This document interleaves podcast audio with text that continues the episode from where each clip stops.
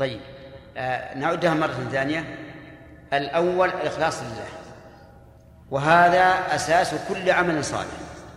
كل عمل صالح لا بد فيه من الإخلاص لله وإلا كان مردودا.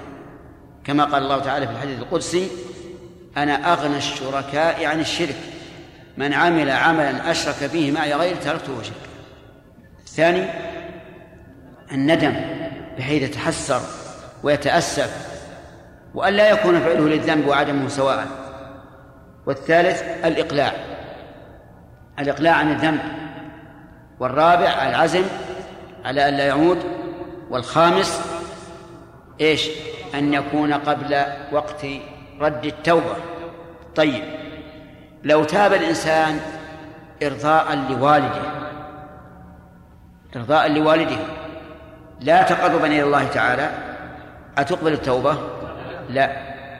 لابد من الإخلاص لله عز وجل. لو تاب بلا ندم هو أقل عن عن الذنب لكن ما لم ما كأن الذنب مر عليه. ولا ندم ولا تأسف. هذا أيضا لا تقبل توبته. لأن لابد من يشعر الإنسان بأنه مذنب. والثالث لو تاب الإنسان من من السرقة. إنسان سرق سرق وتاب من السرقة ولكن المال المسروق لم يرده إلى صاحبه أيقبل؟ ها؟ ليش؟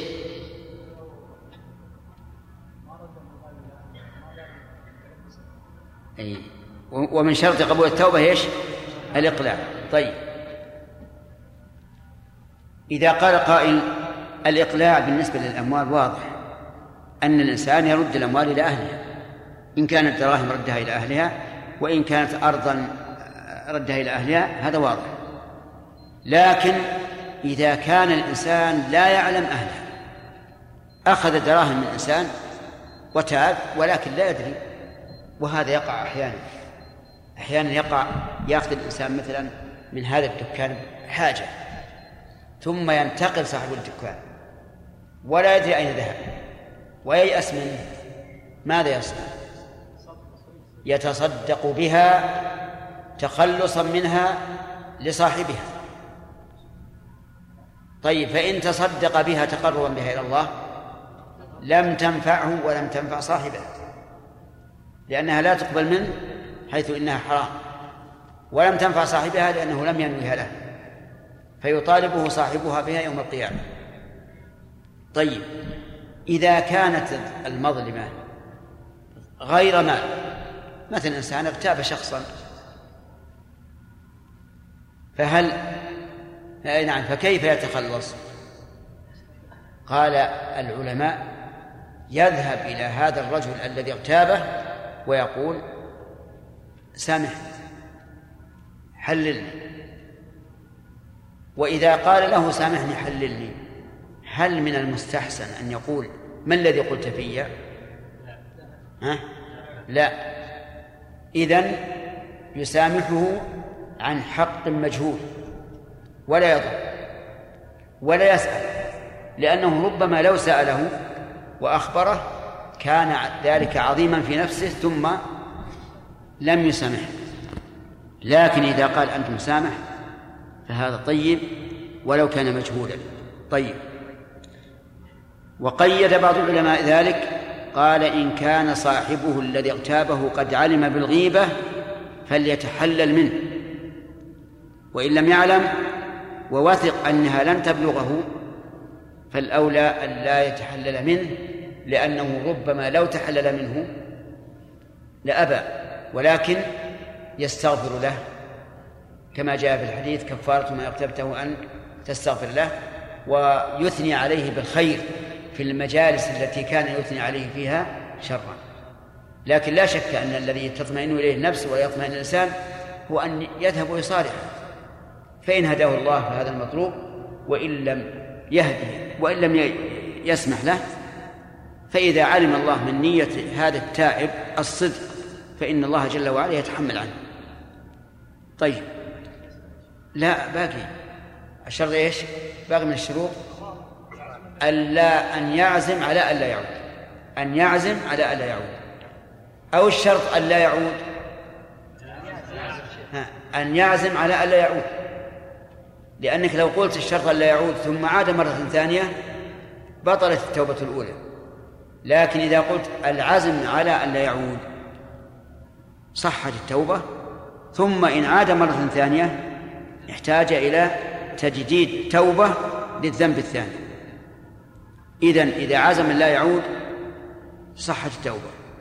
وإن كان مترددا مترددا يقول والله ما أدري أخاف إلا من أصحابي جاءوا إلي وقالوا يا فلان نبي نتمشى وهم يتمشون على محرم. نعم أخاف أني أروح معهم. هل تقبل توبته؟ عجيب يا جماعة. ليش؟ لأنه لم يعزم على أن لا يعود. ولا بد أن يعزم على أن لا يعود. طيب. الخامس وهو أهمها بعد الإخلاص أن تكون التوبة في وقت لا ترد فيه التوبة. والوقت الذي الذي الذي ترد فيه التوبة نوعان خاص وعام. فالخاص حضور أجل كل إنسان. كل من حضر أجله وتاب بعد حضور الأجل لم يقبل منه. لقوله تعالى وليست التوبة للذين يعملون السيئات حتى إذا حضر أحدهم الموت قال إني تبت الآن وانظر إلى كلام الرسول عليه الصلاة والسلام لعمه أبي طالب قال قل لا إله إلا الله كلمة تنفعك آه وش قال؟ أحاج لك بها عند الله قد تنفع وقد لا تنفع. طيب. ولما غرق فرعون وأحس بالهلاك ماذا قال؟ لما أدركه الغرق قال آمنت أنه لا إله إلا الذي آمنت به بنو إسرائيل وأنا من المسلمين. فقيل وأنا من المسلمين فقيل له الآن يعني الآن تسلم وقد عصيت قبل وكنت من المفسدين. فاليوم ننجيك ببدنك لتكون لمن خلفك آية. يعني بدنك يظهر ويبرز. ليش؟ لأن فرعون قد أرعب بني إسرائيل. وربما إذا لم يروه وشاهدوه ربما يكون في نفوسهم أنه لعله نجا أو لعله ينجو. لكن إذا رأوه ميتا طابت نفوسهم ولهذا قال لتكون لمن خلفك آية.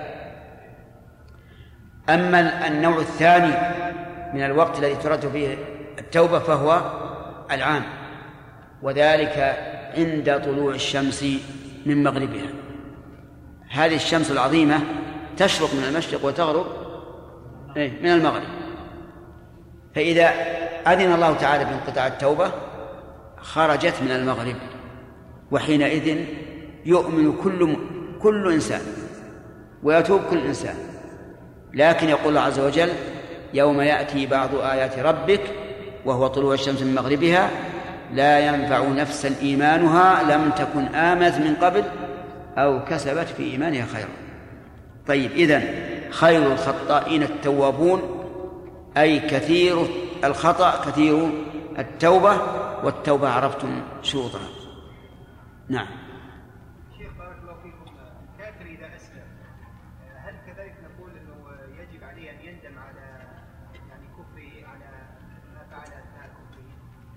أي نعم. هذا ظاهر كلام العلماء هكذا. كل توبة نعم.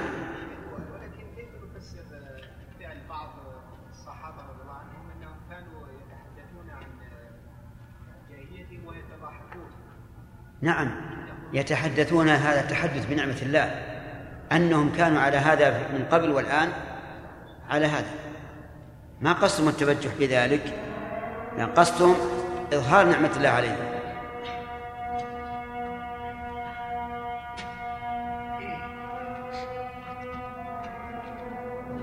الله.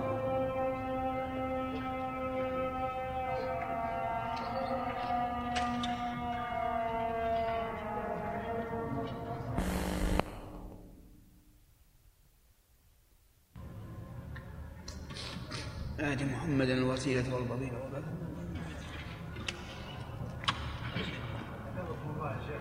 نعم ذكرنا قبل قليل ان من الاسلام ما هو حسن وما غير ذلك المشكلة إيش؟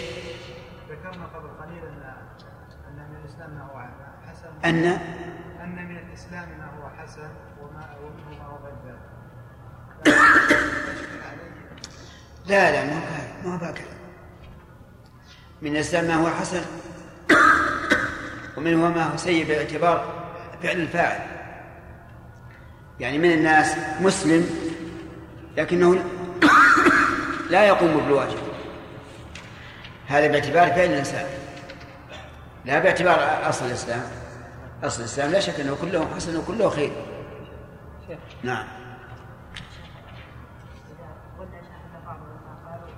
نعم. ان المغتاب الانسان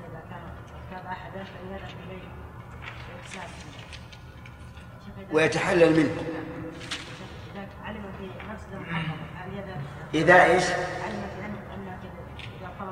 منه المسامح في إيش؟ فيه مفسده محققه نعم. وإذا كان قد علم إذا إذا علم الرجل بأن بأن هذا قد اغتابه فلا بد أن يذهب إليه مهما كان. وإذا كان يخشى أنه لو صار لو لو, لو صارحه مشافهة فليرسل إليه شخص يعظمه ال- الرجل الآخر ويقول إن فيه إنسان أخطأ عليك وفعل أو قال فلعلك تسامحه أنا آتي به إليك يعتذر. وما أشبه ذلك. لأنه صحيح ربما أن لو ذهب إليه وشافهه ربما يحصل بينهم مصارعة لكن في مثل هذه الحال يمكن يتخلص بأن يوصي أحدا يتوسط بينهما. أنا أريد اللي وراء. أنت بعد ما في معنى. يلا أنت جاري. شيخ صلى الله عليه وسلم قلنا ان صح الاقوال في؟ العزله نعم. نعم. ها. إنسان يقول لو اختلطت بالناس لفسد ديني. لأن الناس دينهم فاسد. هنا. واضح؟ طيب. ما شاء الله سبحان الله. نعم. شيخ اكرمكم الله. قول النبي صلى الله عليه وسلم. ومن وقع في شبهات وقع في الحرام هل يأثم بوقوعه في الحرام هذا؟ وقوع في الحرام يعني هل هذا هو المقصود؟ هل يأثم بوقوعه في الحرام؟ لأن الآن أشكل علي يا شيخ كونه الأمر المشتبه قد يقع فيه يفعله الإنسان لأنه لما يتضح ذكرنا أمس لها معنيان ولا أدري هل أنت منتبه لهذا ولا لا؟ ما أذكر إذا لم تنتبه جريت على نفسك. نعم. شيخ إذا قال قائل إن هذا الحديث قد يشكل. أيها ما ملأ ابن آدم وعاء شر من بطن. نعم. على ما يقول بعض الأطباء إن آه، منفذ الطعام والشراب آه، غير منفذ الهواء. مع أن النبي صلى الله عليه وسلم قسم البطن إلى ثلاثة. افلاتا نعم. فمتبادر إن منفذ الهواء في البطن. إيش؟ متبادل إيش؟ أن من هذا الحديث. إي نعم. أن منفذ الهواء في البطن يعني أو للبطن أو للهواء. لا لنفسه. الإنسان لو يملأ بطنه بارك الله فيك يلا ينفس. حتى عندنا في- في المثل العام فلان ما شاء الله شبع شبعة يلا يلا يتنفس. والمعلومة أن الهواء في الرئة. لكن يضيق النفس مع الملء واضح؟ أما سمعت دائما عند العوام لا والله يا ما لا بطن ما لا جدا جدا يا الله ينفس. نعم. افهم هذه لغة نعم.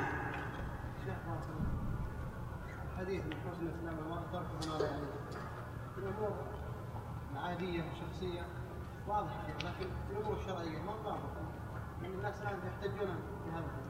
نعم. الأمور الشرعية يقال مثلا أنا يعني يعنيني أن أن آمر بالمعروف وأنهى عن المنكر؟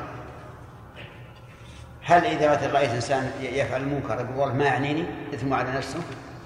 يعنيني هذا. يع- تعنيني الدعوة إلى الله. أقوم في مكان في مسجد في مجتمع.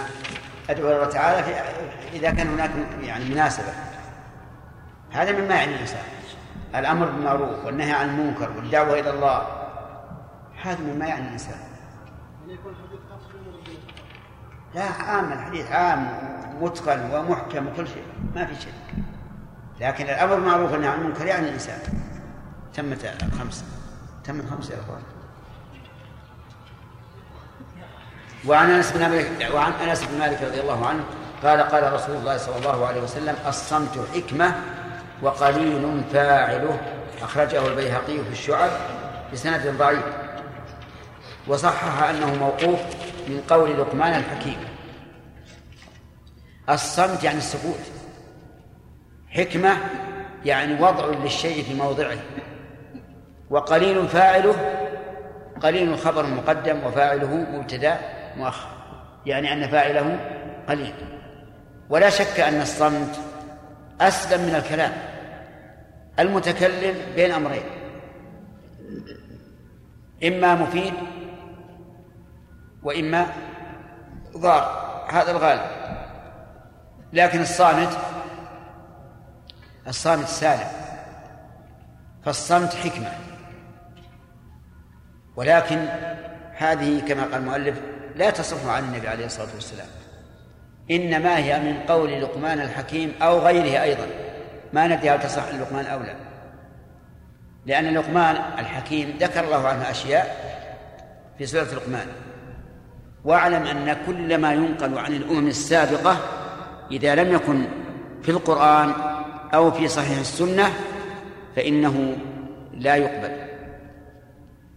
لأن الله تبارك وتعالى قال ألم يأتي النبأ الذين من قبلهم قوم نوح وعاد وثمود والذين من بعدهم؟ إيش؟ لا يعلمهم إلا الله.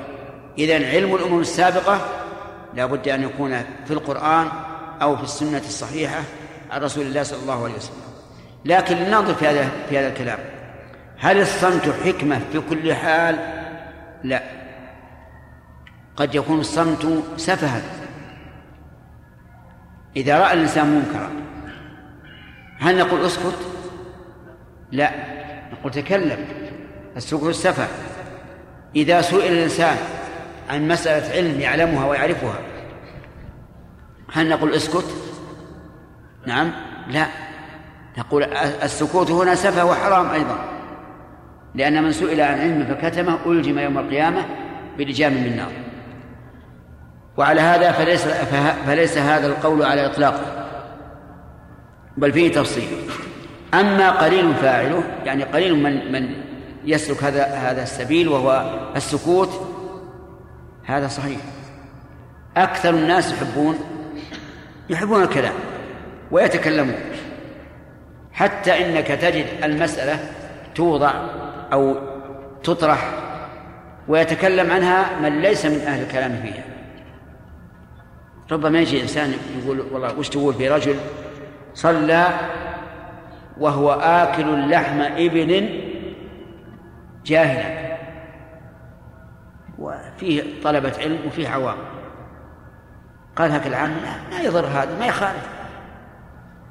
الله يقول بكتاب محكم كتابه العظيم يقول ربنا لا تؤاخذنا إن نسينا وأخطأنا. شوف عام وعنده طلبة علم. نعم. هذا نقول الصمت في حقه. إيش؟ حكمة. والكلام سفه. لكن قليل من يفعل هذا. أي أن كثيرا من الناس يتكلمون في موضع لا ينبغي أن يتكلموا فيه. ثم قال باب الترهيب من مساوي الأخلاق. لما كانت الأمور لا تتم إلا بإثبات ونفي. جعل العلماء رحمهم الله بابا للترغيب وبابا للترهيب ليكمل سير الإنسان وأخلاق الإنسان. لأن الإنسان لأن الأخلاق أخلاق مطلوبة يرغب فيها. أخلاق غير مطلوبة هذه يرهب منها.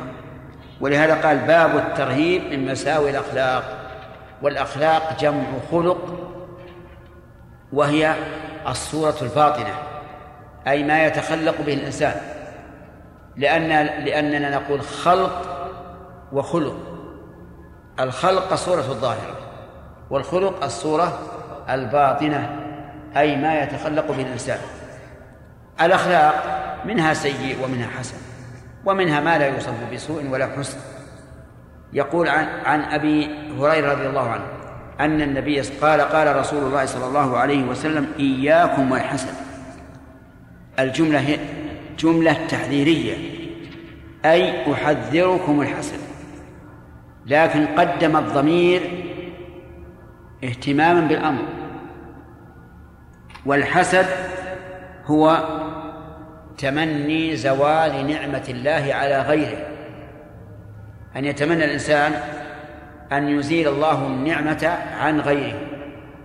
سواء تمنى أن تزول النعمة إليه أو أن تزول النعمة النعمة عن غيره لا إليه. أو أن تزول النعمة عن غيره إلى غيره. فالأقسام كم؟ ثلاثة. أي يتمنى أن تزول نعمة الله عن هذا إلى نفسه. فهمت ولا؟ إيش قلنا؟ لا.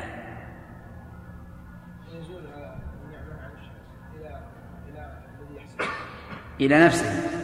طيب.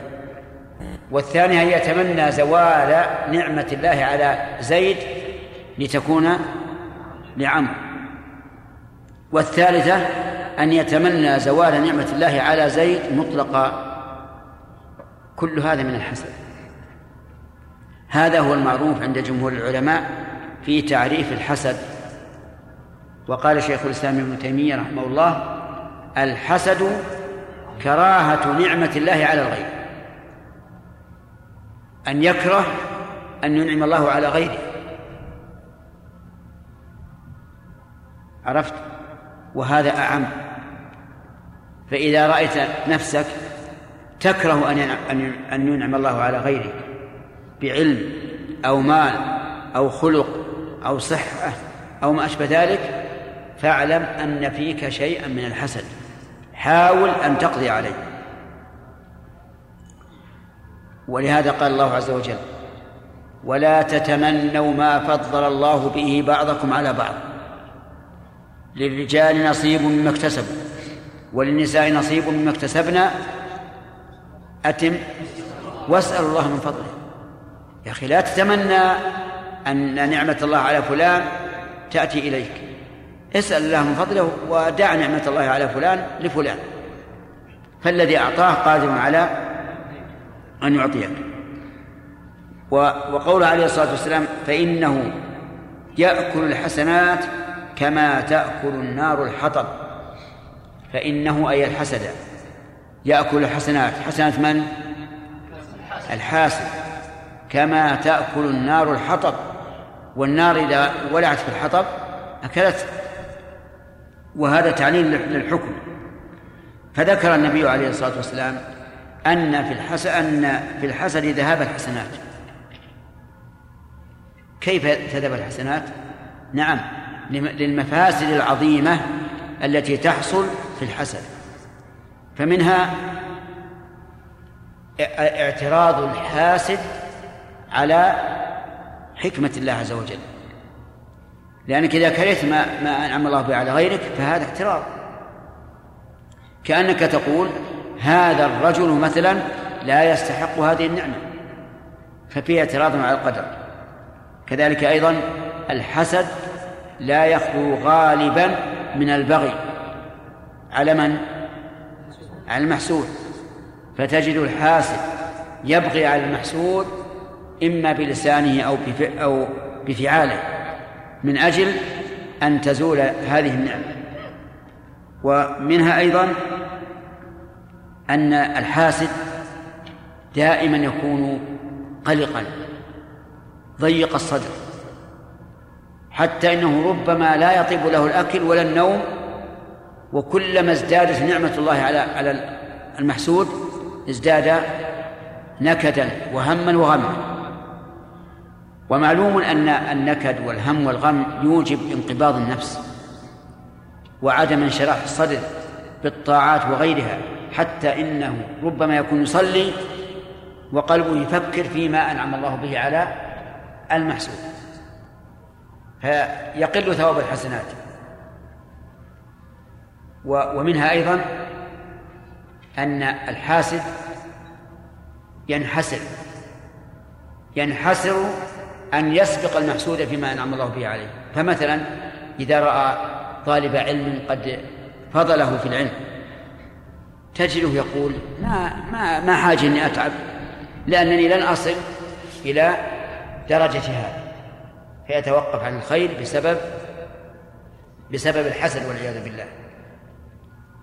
وأول من حسد فيما نعلم من؟ إبليس. فيكون الحسد إذن من اتباع خطوات الشيطان والتأسي بالشيطان وهذا من مفاسده وله مفاسد كثيرة لكن هذا الذي حضرنا منها الآن فالحسد فيه شر كثير. فإذا قال قائل الحسد في الواقع غريزة. كل إنسان يعرف نعمة الله على أحد يتمنى أن يكون له مثلها مثلا. قلنا هذا ليس الحسد المذموم. هذا الحسد يسمى حسد غبطة. ولا بأس به. ولكن احمل نفسك على أن تصل إلى ما وصل إليه هذا الإنسان من من الدرجة. إن كنت تحسده على علم فاحمل نفسك على طلب العلم حتى تصل إلى ما وصل إليك. إن كنت تحسده على جاه فاحمل نفسك على أن تكون حسن الأخلاق كريم الطبع محسنا إلى الناس. باذل نفسك لهم وحينئذ يكون لك عندهم جاه. وهلم جرا. وهذا ليس الحسد المذموم هذا يسمى حسد الغبطة. وقد أقره النبي عليه الصلاة والسلام في قوله لا حسد إلا في اثنتين. ولابن ماجه من حديث أنس نحو وعنه أي عن أبي هريرة رضي الله عنه قال قال رسول الله صلى الله عليه وسلم ليس الشديد بالسرعة إنما الشديد الذي يملك نفسه عند الغضب ليس الشديد يعني ليس القوي. بالسرعة أي بالذي يسرع الناس. والسرعة من صيغ المبالغة. أي كثير الصرع قوي الصرع. مثل همزة لمزة يعني كثير الهمز واللمز. فالسرعة هو كثير الصرع قوي الصرع. والمصارعة المغالبة أيهما يصرع صاحبه ويضرب به على الأرض. وهذه والمصارعة لها أساليب. ما هي مبنية على قوة الشخص؟ قد يكون الشخص قويا فيصرعه من هو؟ دونه. نعم. فلها أساليب معينة. وهي عند الناس الآن إيش هي؟ فن. فن من فنون الرياضة. نعم. ولها عشاق. لكنهم في الواقع يضيعون أوقاتهم. يضيعون أوقاتهم في غير فائدة. فهل الشديد القوي هو الذي يغلب الناس إذا صرعهم؟ لا. ويذكر أن أن ركان بن يزيد كان قويا شديدا. لا يصرعه أحد. حتى إنه من قوته يقال إنهم يضعون جلد الثور تحت قدميه ويأتي أقوى الرجال ليجره من قدم من تحت قدمه ويعجز عنه. يتقطع الجلد دون أن تزول قدماه. وهذا يدل على أنه قوي جدا. نعم. آه، جاء إلى النبي عليه الصلاة والسلام يسلم وطلب من الرسول أن يصارعه قال إن صرعتني يا محمد عرفت أنك نبي. وأسلمت. وإن صرعتك فهذا هي عادتي يعني. هذا معنى قوله. فصارع النبي صلى الله عليه وسلم فصرعه النبي. صلى الله عليه وسلم. فلما صرعه آمن. وهذا لا شك أنه من فوائد قوة الجسم وحنكته. وقوله فإن وإنما الشديد الذي يملك نفسه عند الغضب. القوي الذي يصرع نفسه ويملكها عند الغضب. والغضب هو جمرة كما قال النبي عليه الصلاة والسلام جمرة يلقيها الشيطان في قلب الإنسان. ولهذا تجده يحتمي ويظهر دمه على على جسمه تحمر ويحمر وجهه وعيناه وترتعد أطرافه. نعم. وينتفش شعره من قوة ما يجب. الشديد هو الذي يملك نفسه إذا غضب. ولا ينفذ مقتضى غضبه. ولهذا جاء رجل الرسول عليه الصلاة والسلام قال أوصني. قال لا تغضب. قال أوصني. قال لا تغضب. قال أوصني. قال لا تغضب. ف والغضب ثلاثة أقسام. القسم الأول مبتدأ الغضب. وهذا يعتري كل إنسان. ولا يمنع تصرف الإنسان في نفسه. والثاني منتهى الغضب. وهذا هو الذي يستولي على الإنسان حتى لا يدري ماذا يقول ولا ماذا يفعل ولا هل هو في الأرض أو في السماء. وهذا يقع. والثالث إيش؟ وسط بين هذا وهذا. الغضب شديد لكنه يحس بنفسه. ولكنه ولكن الغضب يضغط عليه يضغط عليه. فأما الأول وهو الغضب في ابتدائه فحكم تصرف من اتصف به النفوذ. تصرفه نافذ في كل شيء. إن حكم بين الناس فحكمه نافذ. إن طلق زوجته فطلاقه نافذ. إن أعتق عبده فعتقه نافذ. كل تصرفاته نافذة. هذا متى؟ مبتدأ الغضب. وهذا بإجماع العلماء. ولم يختلف فيه أحد. وقد قضى النبي صلى الله عليه وسلم القضاء وهو غضبان. في قصة من؟ الزبير. وصاحبه الأنصاري. طيب. الثاني الغضب الذي يصل بصاحبه إلى حد لا يشعر بنفسه. فهذا لا عبرة بتصرفه باتفاق العلماء. لأنه ذهب عنه وعيه ولذلك تجده ربما يأخذ أكبر ما يجد ويضربه ولده. وربما يضرب أولاده بعضهم ببعض. يأخذ الولد الصغير يجعله كأنه عصا يضربها الكبير. نعم. أشياء عجيبة تذكر عن عن بعض الغاضبين. أشد من المجنون. هذا حكمه إيش؟ لا ينفع. إن قال قولا لم يعتبر وإن فعل فعلا لم يعتبر إلا فيما لا فيما لا يشترط فيه العقل كالجناية على الآدمي. هذا وإن جنى لا بد أن يؤخذ حق الآدمي الثالث إيش؟ الوسط. وسط بينهم.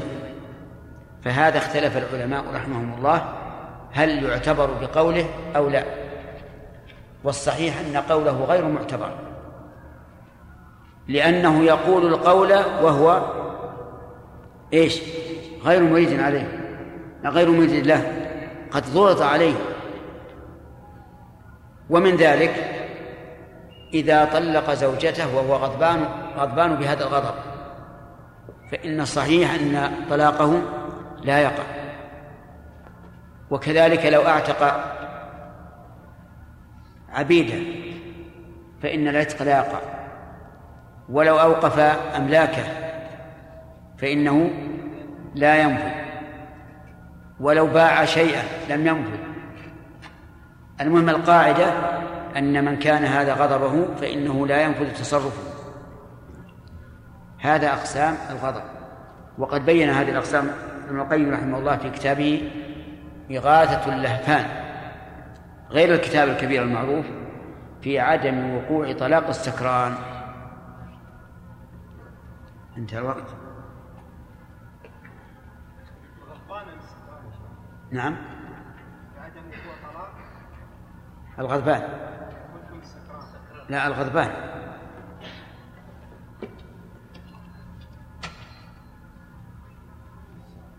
ها؟ انتهى الوقت. بسم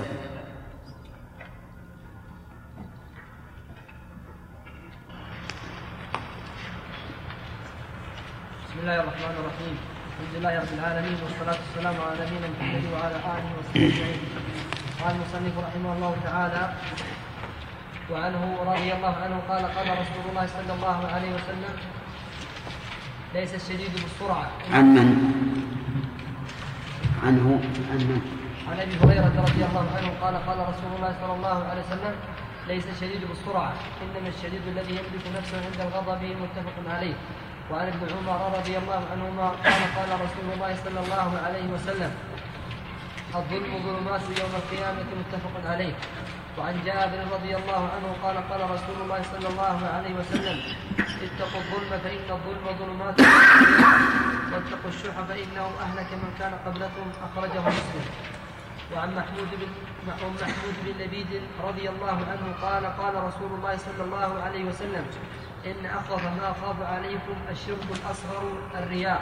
أخرجه أحمد بإسناد حسن. بسم الله الرحمن الرحيم. الحمد لله رب العالمين وصلى الله وسلم على نبينا محمد وعلى آله وأصحابه ومن تبعهم بإحسان إلى يوم الدين. هل الحسد ينافي كمال الإيمان؟ نعم. الدليل؟ نعم قول الله عز وجل ولا تتمنوا ما فضل الله به بعضكم على بعض وقوله تعالى ان يحسدون الناس على ما اتاهم الله من فضله وهنا قد وقعت في نهي الله عز وجل ونهي الله عز وجل يؤدي إلى نقصان الايمان إيه، نعم. يعني النهي عنه يقتضي أنه معصية والمعصية تنقص الإيمان. طيب. في أيضا دليل آخر. لا يؤمن أحدكم حتى يحب لأخيه ما يحب لنفسه والحاسد ليس كذلك. طيب. آه، ما هو الحسد عند شيخ الإسلام ابن تيمية؟ سعد. عند شيخ الإسلام ابن تيمية.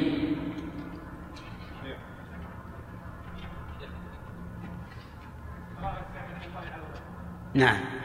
كراهة نعمة الله على على الغير وعند أكثر العلماء هو كما قلت تمني زوال نعمة الله على الغير والأول أعم. هل آه، هل الغبطة تعد من الحسد المذموم؟ أي نعم.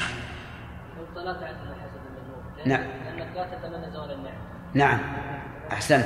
هذا تعليل لأنك لا تتمنى زوال النعمة ولا تكره نعمة الله على غيرك. لكن هل هناك دليل؟ دليل؟ نعم. دليل ما أخرجها ما أخرجها البخاري في صحيحه. نعم. آه، لا حسد إلا في اثنتين سلطا على هلاكة بالحق على كتب الحق ورجل أتاه الله الحكم وهو يقضي نعم. أحسنت فأثبت الحسد في هذا مقرر له. لكن هذا حسد. كمل حسب إي نعم حسب حسد غبطة فليس بالمذموم. طيب. إذا قال قائل الحسد كامن في النفوس وكل إنسان قد يكره أن ينعم الله على شخص نعمة تكون أكثر مما عنده فما الجواب؟ أي نعم يقال ان ان ان وجوده في كثير من الناس لا يبرر آه، كونه محرما في الشرع بل عليه بل على هؤلاء الناس الذين يوجد في نفسه من هذا المرض هذا ان يعالجها وان يتابع ويداوم على ذلك حتى أحسنت. يعني نقول إذا وجدت ذلك في نفسك فعليك أن تعالجه وأن وأن تنزه نفسك عنه. وفي الحديث إذا إذا ظننت فلا تحقق وإذا حسدت فلا تبرئ أفهمت؟ طيب. ما وجه كونه يأكل الحسنات كما تأكل النار كما تأكل النار الحطب؟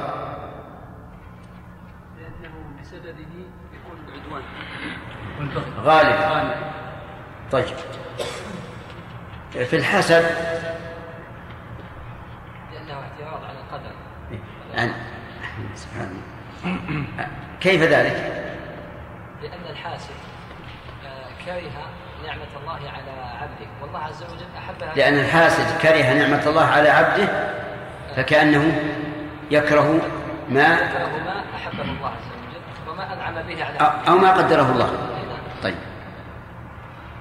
أخذنا أظن الحديث الثاني. ليس الشديد بالسرعة. سرعة يعني ما حضرت؟ ولكن نسي آدم فنسي ذريته يلا يا رياض السرعة وش معناها؟ السرعة يعني القوية في الصرع اي نعم قوي في الصرع أو في الصراع؟ الصرع هي المصارعة؟ نعم. مفاعلة. والمصدر منها فعال مفاعل سراع طيب. يعني معناها آه، السرعة الذي لا يغلب في المصارعة. طيب. آه، فمن هو الشديد؟ قوي. الشديد هو القوي الذي يملك نفسه عند الغضب. الشديد هو الذي يملك نفسه عند الغضب أحسن. طيب. آه، هل هذا الحصر حقيقي أو نسبي؟ نعم. نسبي. لأن الشديد في المصارعة لا شك أنه قوي. لكن كأن الرسول يقول آه، آه، الشدة المحمودة هي أن إيش؟ أن يملك نفسه عند الغضب طيب لها نظير. ليس المسكين الذي يطوف على يطوف على الناس فترده اللقمة واللقمتان وإنما المسكين الذي يتعفف. هذا قول الرسول ليس المسكين بهذا مع أنه هو مسكين. لكن المسكين حقيقة الذي هو الذي هو أهل. لذلك هو الذي يتعفف ولا يفطن له. ويظنه الإنسان الناس غنيا لتعففه. ثم قال وعن نعم ذكرنا بالأمس الأحكام المترتبة على الغضب. قلنا إن الغضب ينقسم إلى ثلاث أقسام. قلنا إن الغضب ينقسم إلى ثلاثة أقسام. نعم. مبتدأ الغضب ومنتهى الغضب ووسط وغضب الوسط بين هذا الأول ابتداء الغضب. يعني الغضب الخفيف. والثاني؟ الثاني الغضب يوصل إلى النهاية. نعم. الثالث؟ الذي بلغ الغاية والنهاية. والثالث؟ الوسط. الوسط. طيب. آه، ما الفرق بين الوسط وبين الغاية؟ أن الغاية أنت. أن الغاية لا يم... لا يعرف ولا يشعر بما يقول ولا يفعل. إيه. أما ال- الوسط فإنه يغالب. آه، ال- النهاية هو أن الإنسان لا يشعر لا يدري عن نفسه إطلاقا. لا يدري هل تكلم أو لا. لا يدري هل هو في السماء أو في الأرض. هل هو في البيت أو في السوق. كال- كالسكران تماما. والثاء وأما ال- الوسط فهو الذي يعرف ذلك لكن الغضب ألجأه إلى أن يتكلم بالكلام. عرفت؟ طيب رجل غضب غضبا شديدا. سام. يا يا سام سام. غضبا شديدا جدا جدا جدا فجعل يسب الدين. ما تقول؟ لا يكفر. يكفر؟ لا يكفر. سب الدين. يعذر لأنه غضبان. يعني غير مريد لقوله. ماذا تقولون؟ صحيح. لأن الرجل لا لا يملك نفسه ولا يدري ما يقول. ولهذا هؤلاء الصنف من الناس إذا انتهى غضبهم وبرد وقال لهم من حولهم إن قلتم كذا وكذا قال أبدا ما قلت ولا علمت أني قلت هذا. طيب. سيأتينا إن شاء الله تعالى أن بعد بقية في الغضب نذكر دواء الغضب. ثم قال المؤلف رحمه الله تعالى فيما نقله عن ابن عمر رضي الله عنهما قال رسول الله صلى الله عليه وسلم الظلم ظلمات يوم القيامة. كيف؟ صحيح؟ طيب. إيه، من فوائد حديث أبي هريرة رضي الله عنه الثناء على من يملك نفسه عند الغضب. بقوله إنما الشديد الذي يملك نفسه عند الغضب. ومن فوائده الحث على ضبط النفس عند وجود ما يثيرها. لأن الإنسان عند ما يحصل له ما يثور نفسه ربما يتكلم بكلام لا يجوز أو يفعل أفعال غير غير جائزة. من فوائد الحديث أن من يملك نفسه عند الغضب أشد ممن يصارع فيصرع. لقوله صلى الله عليه وسلم ليس الشديد بهذا ولكن كذا وكذا. مع أن المصارع الذي يصرع الناس إيش؟ شديد قوي لكن حقيقة الأمر أن من يقوى نفسه عند الغضب فهو أشد منه وأقوى. ومن فوائد الحديث حسن تعليم الرسول عليه الصلاة والسلام حيث يبين الناس الحكم أو الحال بأشياء محسوسة لأن كل واحد من الناس يعرف أن الذي يصارع الناس فيصرع فيصرعهم يعرف أنه قوي وشديد.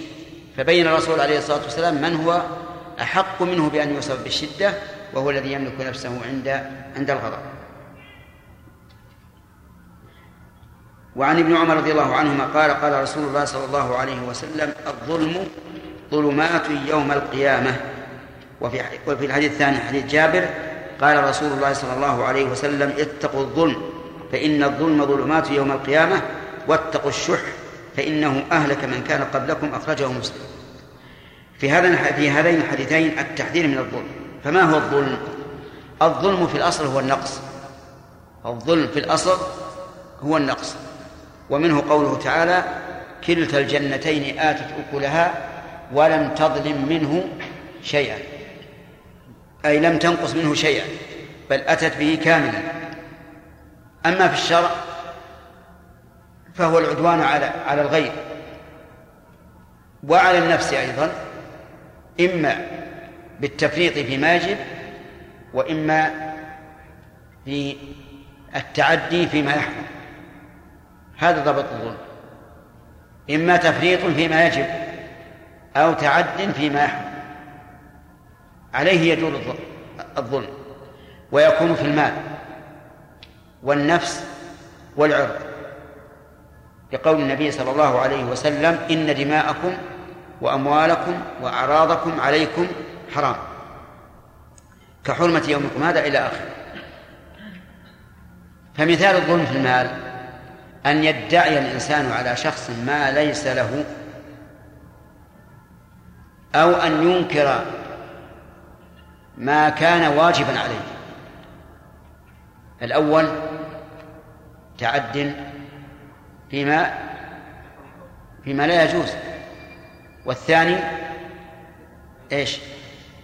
نعم. الأول ادعى على شخص أنه يطلب كذا وكذا ثم أقام بين الزور أو ما أشبه ذلك وأخذ. هذا تعد في أخذ ما ليس له. والثاني الذي أنكر ما يجب عليه تعد فيما عليه. وكلاهما ظلم. كذلك أيضا لو أن إنسانا أخذ مال شخص سرقة. أو غصبا فهذا ظلم لأنه عدوان على الغير الظلم في في, في النفس أن يعتدي على نفسه إما بقطع عضو أو جرح أو إهانة إهانة كرامة بزنا أو لواط أو ما أشبه ذلك. وأما العرض فأن ينتهك عرضه فيغتاب فيغتابه أو يقذفه أو ما أشبه ذلك. المهم أن الظلم محله ثلاث ثلاث ثلاث أشياء. المال والنفس والعرض. يقول الرسول عليه الصلاة والسلام ظلمات يوم القيامة. يوم القيامة يكون عقوبة الظالم أن يسلب منه النور فلا يكون له فلا يكون له نور. فيكون بمنزلة الكفار والمنافقين لأن المؤمنين يسعى نورهم بين أيديهم وبأيمانهم. أما الكافر فليس له نور وأما المنافق فيعطى نورا ثم ينزع منه.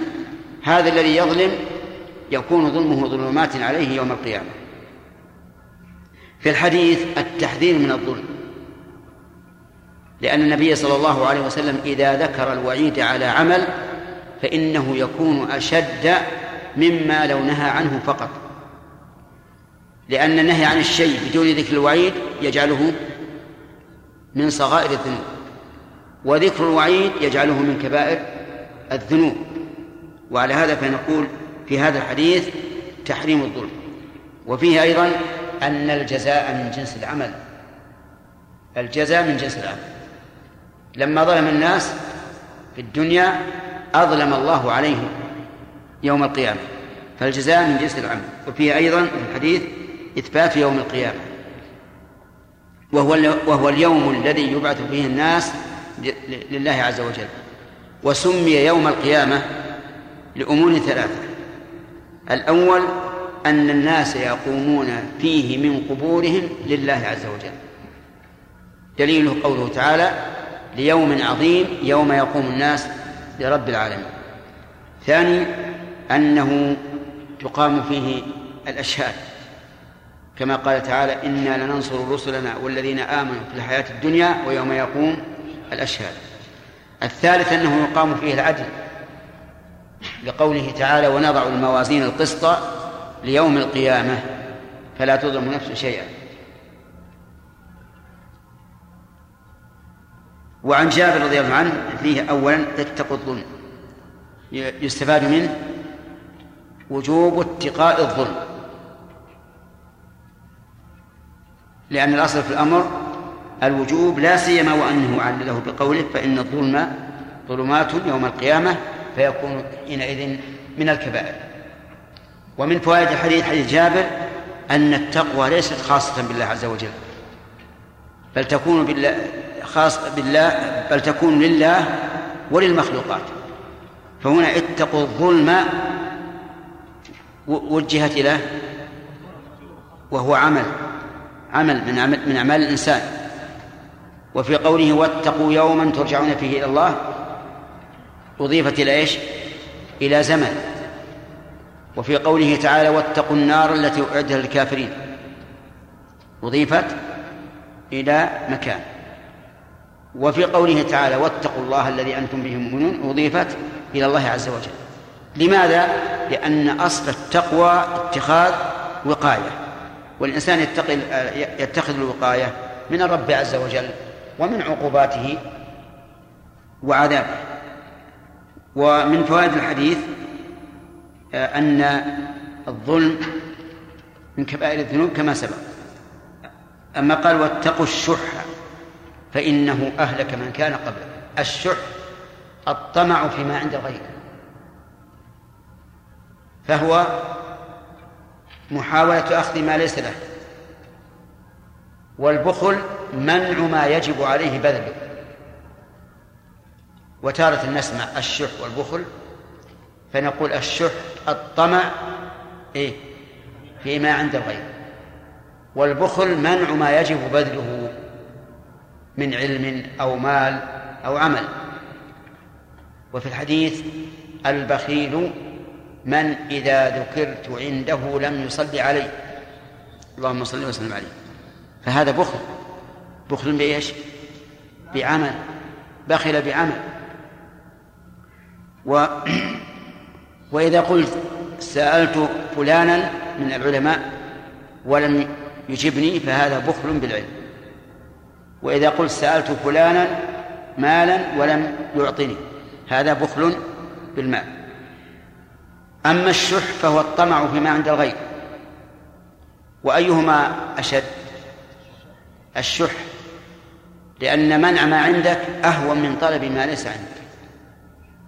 قال فإنه أهلك من كان قبلكم. أهلكهم إهلاكا حسيا أو معنويا أو هما هما. أهلكهم لأن هذا لا شك أنه نقص في دينهم وأهلكهم إهلاكا حسيا لأنهم بذلك سفكوا دماءهم واستحلوا أموالهم. ففي هذا الحديث أيضا تحريم الشح لقوله اتقوا الشح. فإن قال قائل إن الله تعالى جعل الشح في كتابه من طبائع النفوس فقال تعالى وإن امرأة خافت من بعدها نشوزا أو إعراضا فلا جناح عليهما أن يصلح بينهما صلحا والصلح خير وأحضرت الأنفس الشح. فكيف ندفع ما كان من طبيعة النفوس؟ قلنا هو كسبي. الشح أمر كسبي. والأمر الكسبي يمكن للإنسان أن يحترز منه ويتخلى عنه. وإن كانت النفوس مجبولة على محبة المال مثلا لكن الإنسان يغلبه دينه حتى يطفئ عنه حرارة الشح ومن فوائد هذا الحديث الاعتبار بمن خلا من الأمم. الاعتبار بمن خلا من الأمم لقوله فإنه أهلك من كان قبل. ومن فوائده أن ما كان سببا للعقوبة. في الأمم الماضية فإنه يكون سببا للعقوبة في هذه الأمة. عرفتم؟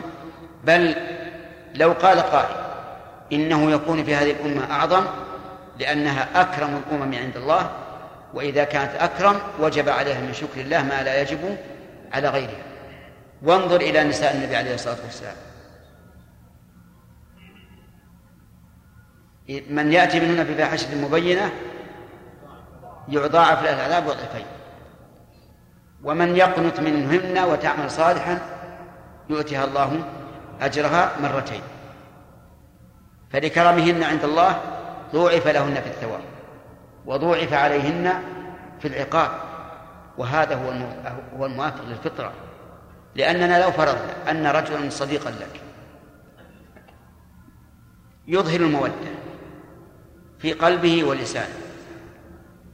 فأساء إليك أدنى إساءة. تجد أن هذه الإساءة في حقه إيش؟ عظيمة جدا. لكن لو أساء إليك بها أو بما هو أعظم منها شخص آخر لكان ذلك عندك أهون. فلهذا نقول إذا كان الشح سببا لإهلاك من قبلنا فإنه سيكون سببا لإهلاكنا. والنبي صلى الله عليه وسلم لم يقل فإنه أهلك من كان قبلكم عفو الخاطر. بل قال ذلك تحذيرا. إذا يستفاد منه أن ما جرى على من سبقنا بعمل فإنه يوشك أن يجري علينا بإيش؟ بعمل آخر. إلا أنه يستثنى من ذلك مسألة واحدة وهي أن الله تعالى أجاب دعوة النبي عليه الصلاة والسلام حين سأل الله أن لا يهلك أمته بسنة بعام. فهذا مستثنى هذه الأمة لن تهلك على سبيل العموم كما هلك من هلك من الأمم السابقين. وعن محمود بن نبيت رضي الله عنه قال قال رسول الله صلى الله عليه وسلم إن أخوف ما أخاف عليكم الشرك الأصغر الرياء. إن أخوف ما أخاف عليكم الشرك. ولا الشرك؟ طيب أخاف. أخاف. من فعل الماضي تنصب. طيب. ولا ما نقول الشرك. لأن الشرك خبر إن. وأما قول ما أخاف فأخاف هذه صلة الموصول واضح. يقول رسول الله أخوف ما أخاف عليكم من الأعمال الباطنة هو الشرك الأصغر. المؤلف رحمه الله يبدو لأنه اختصره فقال الرياء. والحديث بطوله فسئل عنه فقال الرياء. قال الرياء. هو أخوف ما يخاف علينا من الشرك الأصغر. والرياء مصدر راء يرائي رياء.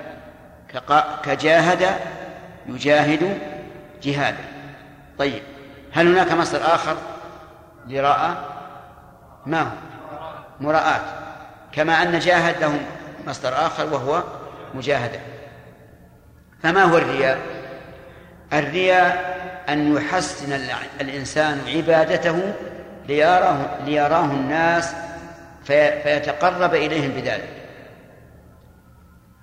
وإن شئت فقل أن يظهر الإنسان عبادته ليراه الناس فيمدحوه بذلك. سواء أظهرها على وجه حسن أو على وجه عادي. هذا هو الرياء. وسمي رياء لأن الإنسان يراعي فيه رؤية الناس. وهل إذا كان يقول قولا فيظهره للناس من أجل أن يمدحوه عليه؟ هل يدخل في هذا؟ نعم يدخل. لأن النبي صلى الله عليه وسلم قال من سمع سمع الله به ومن رأى رأى الله به. في هذا الحديث شفقة النبي صلى الله عليه وسلم على أمته لقوله أخوف ما أخاف عليكم وفيه أيضا أن السيئات تختلف بعضها أشد خطرا من بعض. لقوله أخوف ما أخاف لأن أخوف هذه اسم إيش؟ اسم تفضيل. واسم التفضيل لا بد فيه من مفضل ومفضل عليه. فالرسول عليه الصلاة والسلام يخاف منا أن نعمل عملا سيئا لكن يختلف خوف بعضه أشد من بعض. ومن فوائد الحديث انقسام الشرك إلى قسمين. أصغر وأكبر. فهل هناك ضابط نقول الضابط إن أردت إن أردت ضابطا حكميا فهناك ضابط. وإن أردت ضابطا ذاتيا يعني الحد فهناك أيضا ضابط. أما الضابط الحكمي فيقال الشرك الأكبر ما يخرج به الإنسان من الملة. الشرك الأكبر ما يخرج به الإنسان من الملة. وهذا يسمى تعريفا بالحكم. والتعريف بالحكم عند أهل الكلام معيب ومردود. كما قال الناظم وعندهم من جملة المردود أن تدخل الأحكام في الحدود. وأما التعريف بالحد الذاتي فيقال الشرك الأصغر ما كان وسيلة للأكبر غالبا. هذا الشرك الأصغر ما كان وسيلة للأكبر غالبا. فلننظر الرياء وسيلة للشرك الأكبر. لأنه يتدرج بالإنسان حتى يصل إلى عبادة الناس. هو الآن يعبد الله لكن يزين العبادة ليمدحه الناس عليها فيتقرب بالعبادة إلى الناس. لكنه يجره الأمر إلى أن يعبد الناس. فلهذا نقول هو شرك أصغر. ورأيت ابن القيم رحمه الله يعبر عن الشرك الأصغر فيما يتعلق بالرياء فيقول يسير الرياء. يسير الرياء. لأن الرياء الكثير الأكبر هذا يحبط العمل. فإذا كان الإنسان كل عبا... إذا كان الإنسان يرائي في كل عبادة لم يبقى عنده عبادة طيب إذا نأخذ من هذا الحديث انقسام الشرك إلى إيش؟ إلى أكبر وأصغر والضابط فيما في الحكم أن الشرك الأصغر إيش؟ ما لا يخرج به من الملة والأكبر ما يخرج به من الملة في الحد الذاتي نقول الشرك الأصغر ما كان وسيلة وذريعة إلى الشرك الأكبر. طيب. آه، من الشرك الأصغر تعليق التمائم. تعليق التمائم. لماذا؟ لأنه وسيلة إلى الإشراك في الربوبية. حيث يعتقد أن التمائم سبب لمنع الضرر أو الشفاء من المرض وما أشبه ذلك فيتعلق قلبه بها. وربما يتدرج حتى يعتقد أن السبب نفسه هو الذي يكشف الضر فيكون شركا شركا أكبر. ومن فوائد هذا الحديث تحريم الرياء لأنه من الشرك الأصغر. ولكن هل يدخل في الذنوب التي هي تحت المشيئة؟ أو نقول لا بد من المجازاة عليه ما لم يتب منه؟ فيه خلاف. فمن العلماء من يقول إن قول الله تبارك وتعالى إن الله لا يغفر أن يشرك به ويغفر ما دون ذلك لمن يشاء يراد به الشرك إيش؟ الأكبر لقوله تعالى إنه من يشرك بالله فقد حرم الله عليه الجنة ومأواه النار وما للظالمين من أنصار. وأما الشرك الأصغر فإنه داخل تحت المشيئة. فيكون كل فتكون كل الذنوب وإن عظمت ما عدا الكفر والشرك داخلة تحت المشيئة. ومنهم من يقول الشرك أعظم من الكبائر. قال ابن مسعود رضي الله عنه لأن أحلف بالله كاذبا أحب إلي من أن أحلف بغيره صادقا. مع أن الحلف بالله, كاذبا من كبائر الذنوب. فتكون سيئة الشرك سيئة قبيحة لا يمكن أن تدخل تحت المشيئة.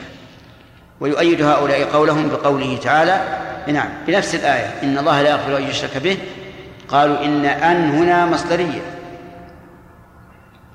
يؤول ما بعدها بمصدر فإذا أولنا ما بعدها بمصدر صار تقدير الآية إن الله لا يغفر شركا به. ويكون شركا هنا نكرة في سياق النفي فتعم فتعم وعلى كل حال الشرك ولو كان أصغر صاحبه في خطر يجب عليه أن يتوب منه. يجب عليه أن يتوب منه ومن جميع الذنوب لكنه يتأكد في حقه لأنه ليس داخلا تحت المشيئة على رأي بعض العلماء. هذا بالنسبة لحكم الرياء. لكن ما حكم العبادة إذا اقترن بها الرياء؟ وهذا مهم جدا. نقول إن اقترن الرياء بالعبادة من أصلها فهي باطلة. لا تقبل من الإنسان لا فريضة ولا نافلة. لقول الله تعالى في الحديث القدسي أنا أغنى الشركاء عن الشرك. من عمل عملا أشرك فيه معي غيري تركته وشركه حتى لو كانت الصدقة إنسان مثلا رأى الناس يتصدقون فقام يتصدق مراءة. نقول هذا إيش؟ غير مقبول. أو صلاة. رأى الناس مثلا ينظرون إليه فقام يصلي. هذا لا تقبل. لا تقبل صلاته. طيب فإن رأى في وصف العبادة بأن زين صلاته ولكن أصل العبادة لله فهل تبطل العبادة أو يبطل الثواب الحاصل بتحسينها؟ الثاني هذا مقتضى العدل. مقتضى عدل الله عز وجل أن يحبط العمل العمل الذي حصل فيه إيش؟ الرياء وأما الأصل فلا يحبط عمله لأنه فعله لله. أرجو الانتباه. الآن إذا إذا كان الرياء مشاركا للعبادة من من أصلها فهي باطلة. طيب. إذا طرأ عليه إذا طرأ عليه يعني أن الرجل قام يصلي لله. لكن لما رأى الناس حوله شعر بأنه يصلي رياء. طرأ عليه الرياء في أثناء العبادة. فهل تبطل العبادة؟ نقول في ذلك تفصيل. فإن كانت العبادة يتعلق آخرها بأولها بطلت. وإن كان لا يتعلق آخرها بأولها لم تبطل. مثال الأول الصلاة. طرأ الرياء عليه في أثناء الصلاة. يبطلها. كما لو أحدث في أثناء الصلاة فإنه إيش؟ يبطلها. فهنا وجد المفسد في أثناء الصلاة والصلاة آخرها يتبع أولها فنقول إن الصلاة كلها باطلة. أما إذا كان لا ينبني آخرها على أولها فإنه يبطل ما حصل فيه الرياء فقط كرجل أعد ألف ريال للصدقة وتصدق بخمسمائة بنية خالصة ثم طرأت عليه طرأ عليه الرياء حين الصدقة بما بقي فما الذي يبطل؟ الثاني الأخير. أما الأول فلا يبطل لأنه وقع بإخلاص ثم قال وعن أبي هريرة رضي الله عنه. جاوبت السؤال الآن. شيخ بارك الله فيكم. إذا يعني عرف المسلم من نفسه يعني حسن الإخلاص لله في عبادة ما نعم. ثم جاءه وسوسة الرياء من الشيطان. نعم. لكن لم يدفعها ولم يجاهدها ولم يلتفت إليه. تركها هكذا ترك الوسواس ويعني اعتمادا على صدقه مع الله وإخلاصه له. نعم. هل يضره هذه الوسوسة؟ آه نعم. هذا سؤال مهم. وهو أن الشيطان يأتي إلى الإنسان ويقول إنك مراد. قبل أن يبدأ بالعمل لئلا يعمل. فتجد بعض الناس يمتنع من قراءة القرآن يقول الشيطان هذا مراد. أو يمتنع من من من الصلاة أو من الصدقة خوفا من من الرياء. هذا لا يجوز لا يجوز للإنسان أن يدع العبادة من أجل ذلك.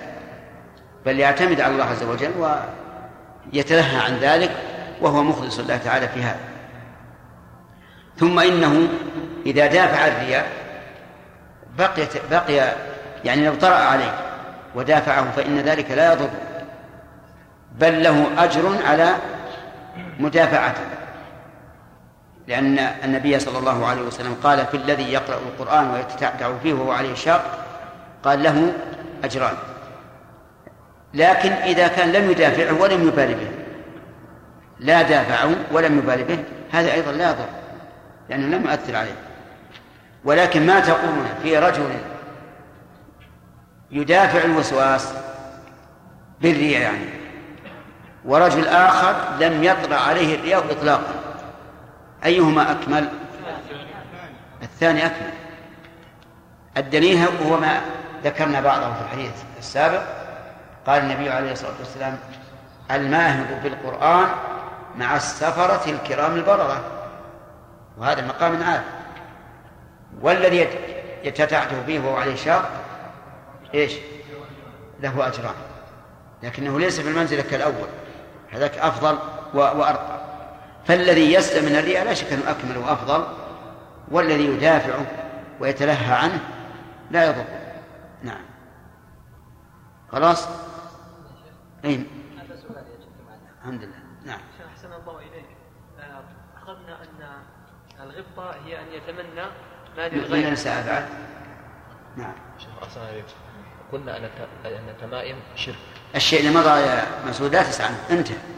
نعم. قلنا أن أن التمائم شرك لانها لأن إذا الانسان يظن أو الذي يعلق تمائم أنه تنفع وهذه علة يمكن يمكن أن توجد في كل سبب من سبب. إيش؟ هذه العلة اعد السؤال. قلنا أن التمائم شرك. ها؟ تعليق تمائم شرك. نعم. شرك أصغر. نعم. وهذه هذه العلة يمكن أو تمكن أن توجد في كل سبب من سببه مثل كالدواء وغيره من الأشياء. هذا يقول التمائم ليست بشرك لأن لو جعلناها شركا لكان كل سبب يكون شركا. نقول السبب الأسباب أو ما يعتقد أنه سبب على ثلاثة أنواع. النوع الأول ما دل الشرع على أنه سبب. والنوع الثاني ما دلت التجارب على أنه سبب. والنوع الثالث ما لم تدل عليه الأدلة الشرعية ولا الحسية بالتجارب فالثالث هو الذي يكون شركا. لأن الإنسان إذا اعتقد أنه سبب والله تعالى لم يجعله سببا لا بالتجارب ولا بالوحي فإنه جعل نفسه شريكا مع الله. فمثلا العسل شفاء. قراءة القرآن شفاء. بأي بأي بأي طريق علمنا أن أن القرآن شفاء؟ بالشرع. وكذلك العسل. وكذلك الحبة السوداء. في أشياء كثيرة لم نعلم عن كونها شفاء بالقرآن ولكن علمنا علمنا ذلك بالتجارب. هذه لا يمكن أن ننكر أنها سبب ونحن جربناها ووجدناها مؤثرة لكن التمائم لم يأتي الشرع بأنها سبب ولم ي... ولم يكن التجارب أيضا بأنها سبب ولا علاقة بين ال- المرض وبين أن تعلق شيئا على على صدرك أو في يدك. ثم إن الشرع جاء بنفي. والرسول عليه الصلاة والسلام قال إن التمائم والتولة شرك.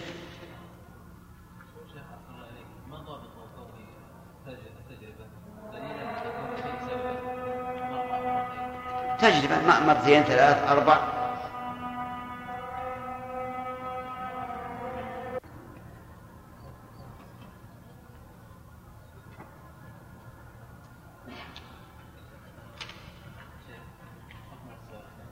نعم. إيه، التجربة أقول ت- ت- تكون بالتكرار. مرتين ثلاثة يعرف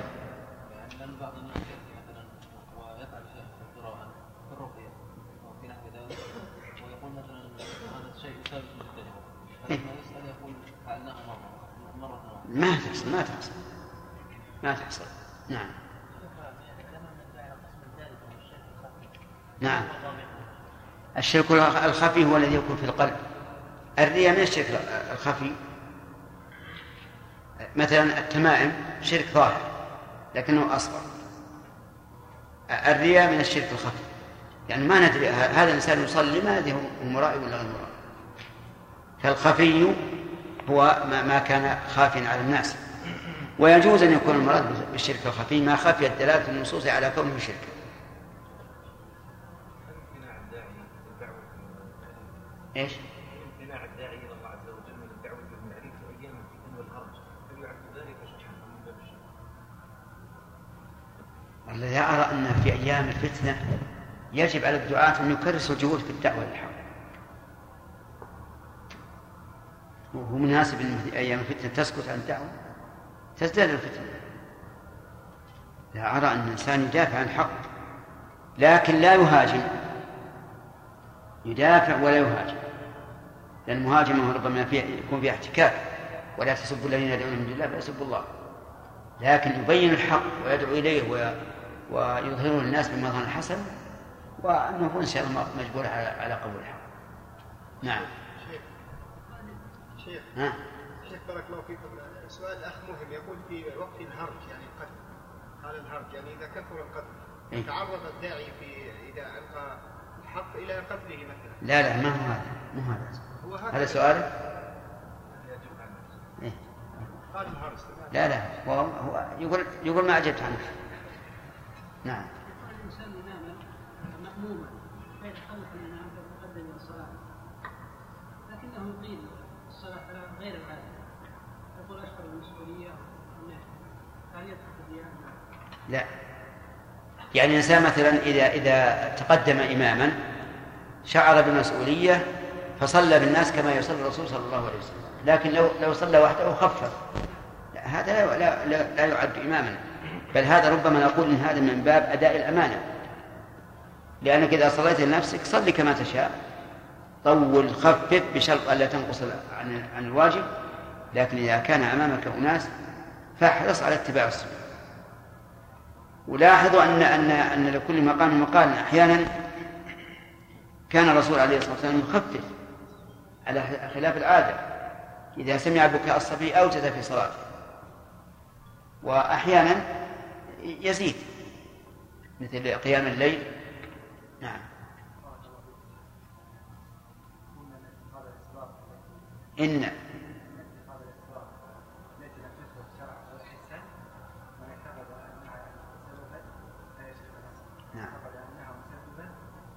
لا سبب سبب.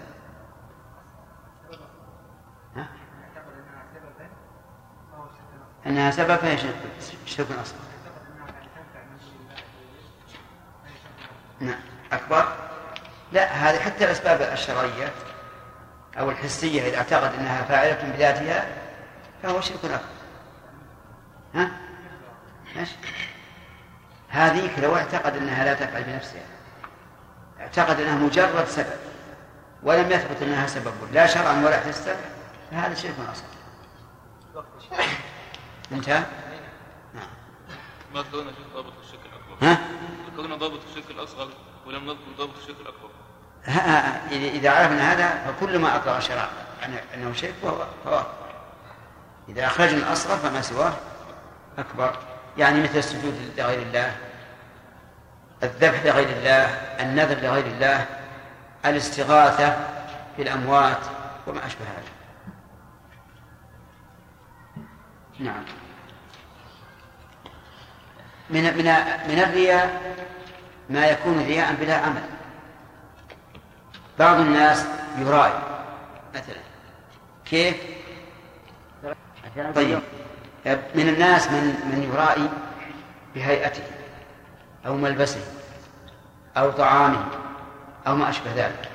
يعني لا تظن أن أن الرياء في العبادة فقط بل في كل عمل ينسب به إلى الديانة والعبادة. وإن لم يعمل كل عمل ينسب به أي أي بسببه أي بسببه إلى الديانة والعبادة والزهد فإنه من الرياء. ولذلك يجب على الإنسان ونسأل الله أن يعيننا وإياكم على ذلك أن يحرص على هذا. على على أن لا يرائي بعمله الدال على العبادة. بعمله الدال على العبادة. لكن لو ترك الشيء هذا مثلا ترك آه، اللباس الجيد والمركوب الجيد تواضعا لله عز وجل فلا بأس به. تواضعا بشرط لا لأن يمدح عند الناس فلا بأس به. قال وعن أبي هريرة رضي الله عنه قال قال رسول الله صلى الله عليه وعلى آله وسلم آية المنافق ثلاث إذا حدث كذب وإذا وعد أخلف وإذا اؤتمن خان. آية أي علامة. لكن الآية لا تطلق إلا على العلامة الدالة دلالة لا إشكال فيه.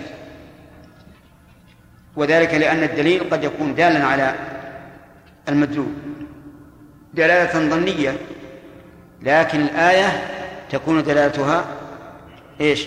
قطعية لا يتخلف مدلوله آية المنافق المنافق هو الذي يبطن الشر ويظهر الخير من أين هو مأخوذ؟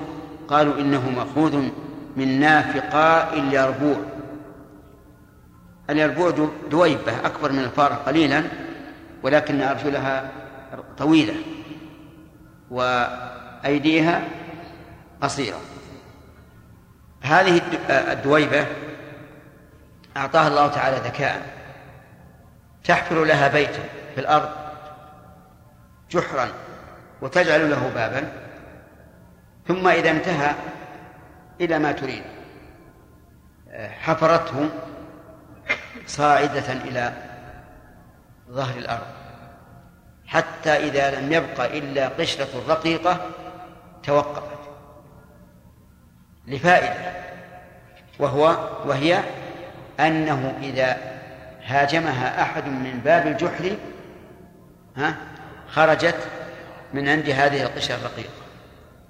هكذا المنافق. إذا لقوا الذين آمنوا قالوا آمنا وإذا خلوا إلى شياطينهم قالوا إنا معكم فلهم بابان لهم وجه مع المؤمنين ووجه مع الكافرين. إذا المنافق بالمعنى العام كل من أظهر كل من أبطن شرا وأظهر خيرا. أما بالمعنى الخاص الذي هو النفاق الذي يكون صاحبه في الدرك الأسفل من النار فهو إبطان الكفر وإظهار الإسلام. ولم يكن معروفا إلا بعد أن ظهر الإسلام واعتز المسلمون في بدر وصارت الغلبة بزغ نجم النفاق والعياذ بالله. فصار الواحد إذا لقي المؤمنين يقول آمنا وصدقنا. ومحمد رسول الله. ويأتون إلى الرسول ويقول نشهد إنك لرسول الله. ويذكرون الله لكن لا يذكرون الله إلا قليلا. آية المنافق أي علامته ثلاث. إذا حدث كذا. حدث أي أخبر عن أمر واقع أو أمر سيقع كذب. أي أخبر بالشيء على خلاف وجهه لأن هذا هو الكذب. الإخبار بالشيء على خلاف وجهه. وإذا وعد أخلف. إذا وعد أخلف يعني إذا وعد إنسانا بشيء أو على شيء أخلف ولم يفي وإذا اؤتمن خان. سواء اؤتمن على النفس أو على أو على المال أو على العرض فإنه يخون. والخيانة هي أن يتوصل إلى الشيء على وجه خفي. فإن كان بحق فهو مكر وليس بخيانة وإن كان بغير حق فهو خيانة. ولهذا المكر ليس مذموما ولا ممدوحا والخيانة مذمومة على كل حال. المكر إذا كان في موضعه فهو مدح ولهذا أثبته الله لنفسه ولم يثبت الخيانة. فقال ويمكرون ويمكر الله وقال ذلك بأنهم خانوا الله من قبل فأمكن منهم ولم يقل فخانوا لأن الله لا يوصف بالخيانة إذ أن الخيانة هي الخديعة في موضع الائتمان والمكر هو الخديعة في غير موضع الائتمان. أفهمتم الفرق؟ ولهذا صار المكر في مكان في محله كمال كمالا. هذه علامات المنافق.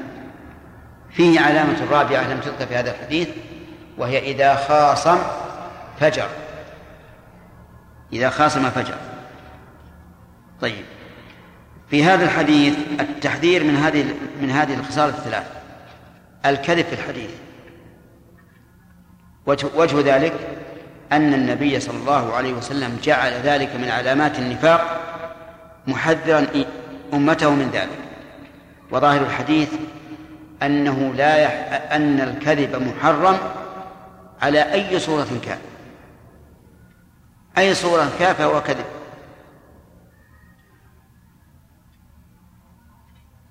وقسم بعض الناس الكذب إلى قسمين. كذب أبيض وكذب أسود. ولا شك أن هذا التقسيم باطل. والصواب أن الكذب كله أسود. لكن ما يظن أنه كذب وليس بكذب هذا لا يكون كذبا. كالتورية مثلا الذي حصل من إبراهيم الخليل عليه الصلاة والسلام فإن هذا ليس بكذب في الواقع. لكنه كذب صورة فيما يظن فيما يظنه السامع وهو حقيقة ليس كذبا. طيب يشمل الكذب هنا. الكذب في الخصومة. بأن يدعي الإنسان ما ليس له أو ينفي ما عليه فإن هذا كذب. يشمل الكذب ليضحك به الناس وما أكثر هذا بين بين الناس. يأتي بقصة كذب ما لها أصل لكن من أجل أن يضحك الناس. وقد جاء في الحديث ويل لمن حدث فكذب ليضحك به القوم ويل له ثم ويل له.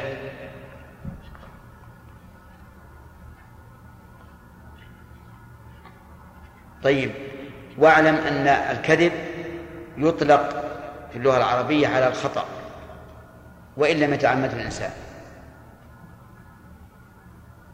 ومنه قول النبي صلى الله عليه وسلم كذب أبو السنابل. أبو السنابل بن بعكك مر على سبيعة الأسلمية وقد مات زوجها ونفست بعد موت زوجها بليال قصيرة. نفست يعني وضعت حملها. فجعلت تتجمل للخطاب فمر بها أبو السنابل وقال إن ونهاها عن ذلك وقال إنه لا يمكن أن تتزوجي حتى يمضي عليك أربعة أشهر وعشر. فلفت عليها ثيابها وذهبت إلى النبي عليه الصلاة والسلام تسأله وأخبرته بما قال أبو السنابل بن بعكك فقال كذب أبو السنابل. كذب أي؟ أي أخطأ لأن أبا السنابل ما تعمد الكذب ولكنه أخطأ في كونه أخبرها بحكم ليس شرعيا. ومن فوائد هذا الحديث تحريم إخلاف الوعد. وجهه أنه من آيات النفاق. وظاهر الحديث أنه لا فرق بين أن يكون في إخلاف الوعد ضرر على الغير أو لم يكن.